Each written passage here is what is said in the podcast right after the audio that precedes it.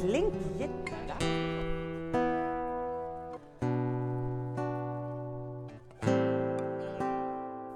Hei igjen, Magne. Heia. Ja. Nå eh, er vi her i Blinde. Og i dag skal vi snakke om, eh, om krise og krisehåndtering i blinde.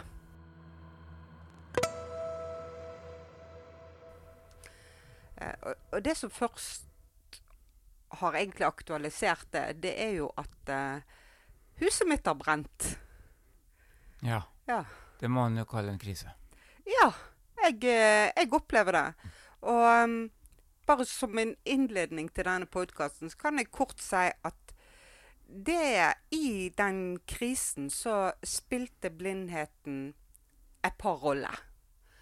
Og den første rolla var når det brant. Og da eh, gjorde blindheten meg litt fryktløs. På grunn av at jeg gikk inn i kjempetett røyk eh, med brannslukningsapparat for å slukke brannen. Og jeg eh, prøvde å slukke brannen. Og da fikk jeg jo masse sånn rett tilbake på meg og eh, måtte springe ut. Og etterpå så var jeg så fascinert av at eh, blindheten hadde gjort meg trygg. For jeg var ikke redd for at jeg ikke skulle klare å springe ut, selv om jeg var helt innerst i kjelleren. Og så snakket jeg med mamma om det her, at jeg, å, jeg var, følte meg så trygg, og jeg kunne bare springe ut, og jeg kunne bare Og så kommer det tørt fra mamma. Sølv Marie, hadde du sett, så hadde ikke du gått rett inn i den tjukke røyken.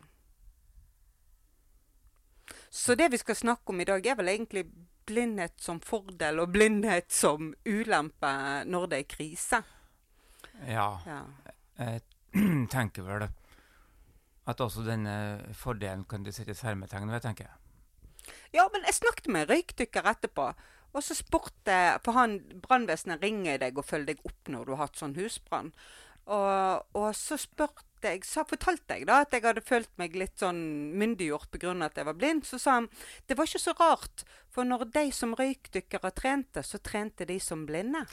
Ja, men de har spesialutstyr og, og verneutstyr, da. OK. Ja, veldig, veldig godt poeng. Så jeg tenker vi stopper der, da. ja, vi stopper der. Men hva tenker du når du tenker krise og blindhet, Magne? Jeg tenker vel at de krisesituasjonene Jeg mener at de krisesituasjonene illustrerer de mest uhåndterlige sidene ved blindheten. For den illustrerer at vi egentlig har det handikappet, og at vi lever, ikke bare at vi lever i en seende verden, men at blindheten faktisk er en faktor som gjør oss ekstra sårbare i slike situasjoner. Ja. Men jeg har alltid tenkt litt omvendt, så jeg tror kanskje vi har litt sånn ulike utgangspunkt her. Eh, ta f.eks. den situasjonen på flyet. Sant? Da kommer vi inn, og så hvis jeg da får plass på eh, den raden med nødutgangen, og personalet ser at jeg er blind, så må jeg flytte meg. For blinde har ikke lov å sitte med nødutgangen. Eh, og jeg har diskutert det med personalet på flyet. For jeg har sagt ja, men hvem av oss tror du klarer seg best i en situasjon der det er mørkt og kaotisk, og du skal finne fram i blinde? Jeg mener jo det er meg, da, som kan klare meg best i en sånn situasjon. Og så har jeg diskutert med andre blinde som er helt uenig i det. Hva tenker du om det, Magne? Jeg tenker vel at uh, Ja, jeg har kalkulert med at hvis det skjer noe i en flysituasjon, så er jeg død. Men du driver jo og ser Flyhavarikommisjonen. Ja, jeg ser flyhavarikommisjon, så jeg er godt bevæpna med, med, med sånne situasjoner, så jeg vet, jeg vet hvordan det går. Nei, men jeg, jeg tror nok at de andre blinde her har rett. I, når du kommer i slike ekstremsituasjoner som det, og, så slutter folk å være rasjonelle ofte. Og da er det dem som er trent til å være rasjonelle, som kan være rasjonelle. Ja, men Tror du folk som ser er bedre trent og være rasjonelt enn meg? Altså Det er jo pga. blindheten. Jeg blir nekta å sitte der. Ikke Flyperson- manglende rasjonalitet. Flypersonalet skal være trent på det. Ja, det er- men de sitter jo ikke med nødutgangen. Nei, det gjør ikke dem heller. Men de skal, hjelpe, de skal i utgangspunktet kunne hjelpe, da. Mm. Og hvis du kommer i en sånn akutt situasjon der du skal hoppe ut, altså du skal finne den nødutgangen, og du skal jo også da være i stand til å hoppe ned på den sklia som skal ta deg ut av flyet. Mm. Vi er jo Ja, det, det skjedde en gang da jeg diskuterte det. Og så, eh, eller jeg diskuterte det ikke med men det var en, en, en sånn flyvertinne som sa liksom at eh, Ja, hvor er nødutgangen? sier jeg. Må vite hvor mange rader det er til nødutgangen. Eh, ja, det var, eh, det var 14 rader, sier jeg. Det kan ikke stemme, sier jeg. 14 rader. Sitter ikke jeg helt i nærheten av nødutgangen over vingen? Jo, men den kan jo ikke du bruke. Eh, hvorfor kan ikke jeg bruke den? Sier eh, Jo, for da må du ut på en sånn skli, og det kan ikke du klare. Eh, og da sier jeg jo, det kan jeg. Hvis jeg står der og ikke klarer å komme meg ut på, så regner jeg med at en av medpassasjerene mine gir meg et godt spark i ræva. Og da lo alle medpassasjerene mine og bekreftet at det ville de gjøre. ja, du syntes ikke det var morsomt? det ble veldig morsomt på det flyet. Men OK.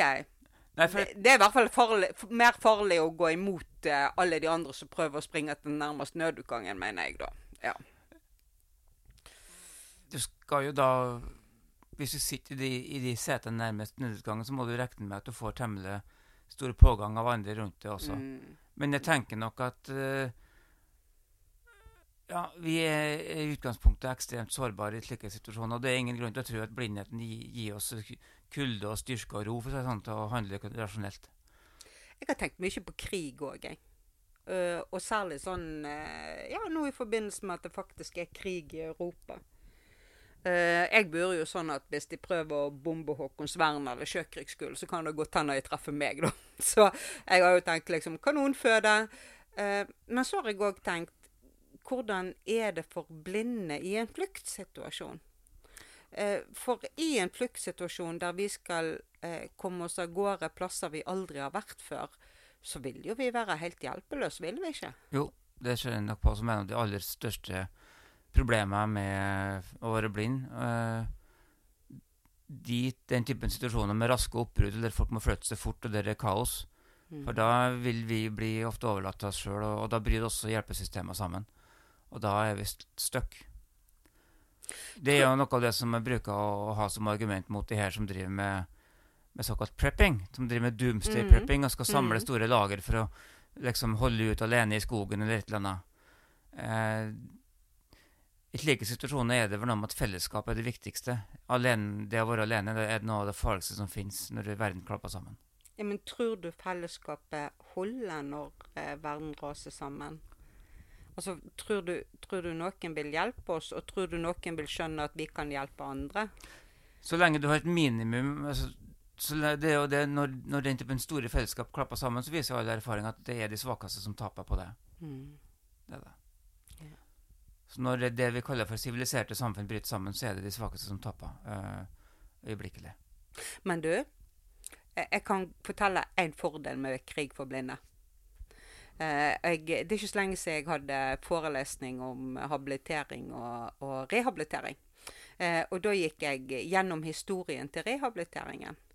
Eh, og den viser at eh, etter store kriger så har det alltid vært et voldsomt oppsving i rehabilitering for blinde. Ja, det er klart det. Du får store deler av befolkninga som, som mister synet, og, og som alle forstår. Og det er også en slags sånn forståelse av at de er på et vis ekstra verdig trengende og trenger å, å bli rehabilitert tilbake til samfunnet. Også fordi det er så mange. Ja, det er unge, friske menn, Unge, friske liksom. mennesker. Ja, og både Som menn og har ofra synet sitt for Ja, landet. ja. ja. Så det er klart, det er en stor eh, Ja, det er en stor medvirkende årsak til at det skjer framskritt på den fronten. Det kan vi ha en egen podkast om. For eksempel, idrett er jo det beste eksempelet på det. Vi må nok dessverre regne med at Ukraina eh, vil bli en meget sterk idrettsnasjon i handikapidretten. Ja. I par- paridrett da, framover. Ja. Så du tenker paraidretten òg har røtter tilbake i Ja, krig og krise? Den har direkte røtter tilbake til krig og krise. Men eh, eh, tilbake til brann, da. For det at eh, når det er krise, sånn som type brann, så er jo det, har jeg erfart nå, ikke en krise som er over når brannen er slukka. Eh, for hos meg så er jo da um, mye av kjelleren brent ut. Alt i huset er røykskada. Uh, det ligger et lag sot overalt. I dag fikk jeg beskjed om at i dag tømte de huset mitt, så i dag er det ingenting igjen i huset mitt. For alt må på en måte gås over, da. Eh, og den dagen det brant, eh, morgenen etterpå, så ble jeg henta på sykehuset av mamma og pappa. Med pappas treningsbukser, T-skjorte og sko, for jeg har jo bitte lita mamma, så jeg kunne ikke bruke klærne hennes. Så jeg hadde ikke et klesplagg, jeg. Ingenting. Uh, det er et problem. Da ble blindheten et problem. For jeg måtte ut der og handle alt det jeg trang, og, og det kunne ikke jeg klare alene. Nei. Og så fikk jeg tilbud om å, å bo. Jeg kunne få bo på hotell. Ja. Og, og, da kjente jeg meg og Panda på et hotell en plass vi ikke er kjent. Nei, det vil være en veldig, veldig dårlig løsning for meg. Og nå ser jeg fram gjennom alt som eh, skal kjøpes inn, alt som skal ordnes. Og så tenker jeg tilbake til før jeg ble blind, da.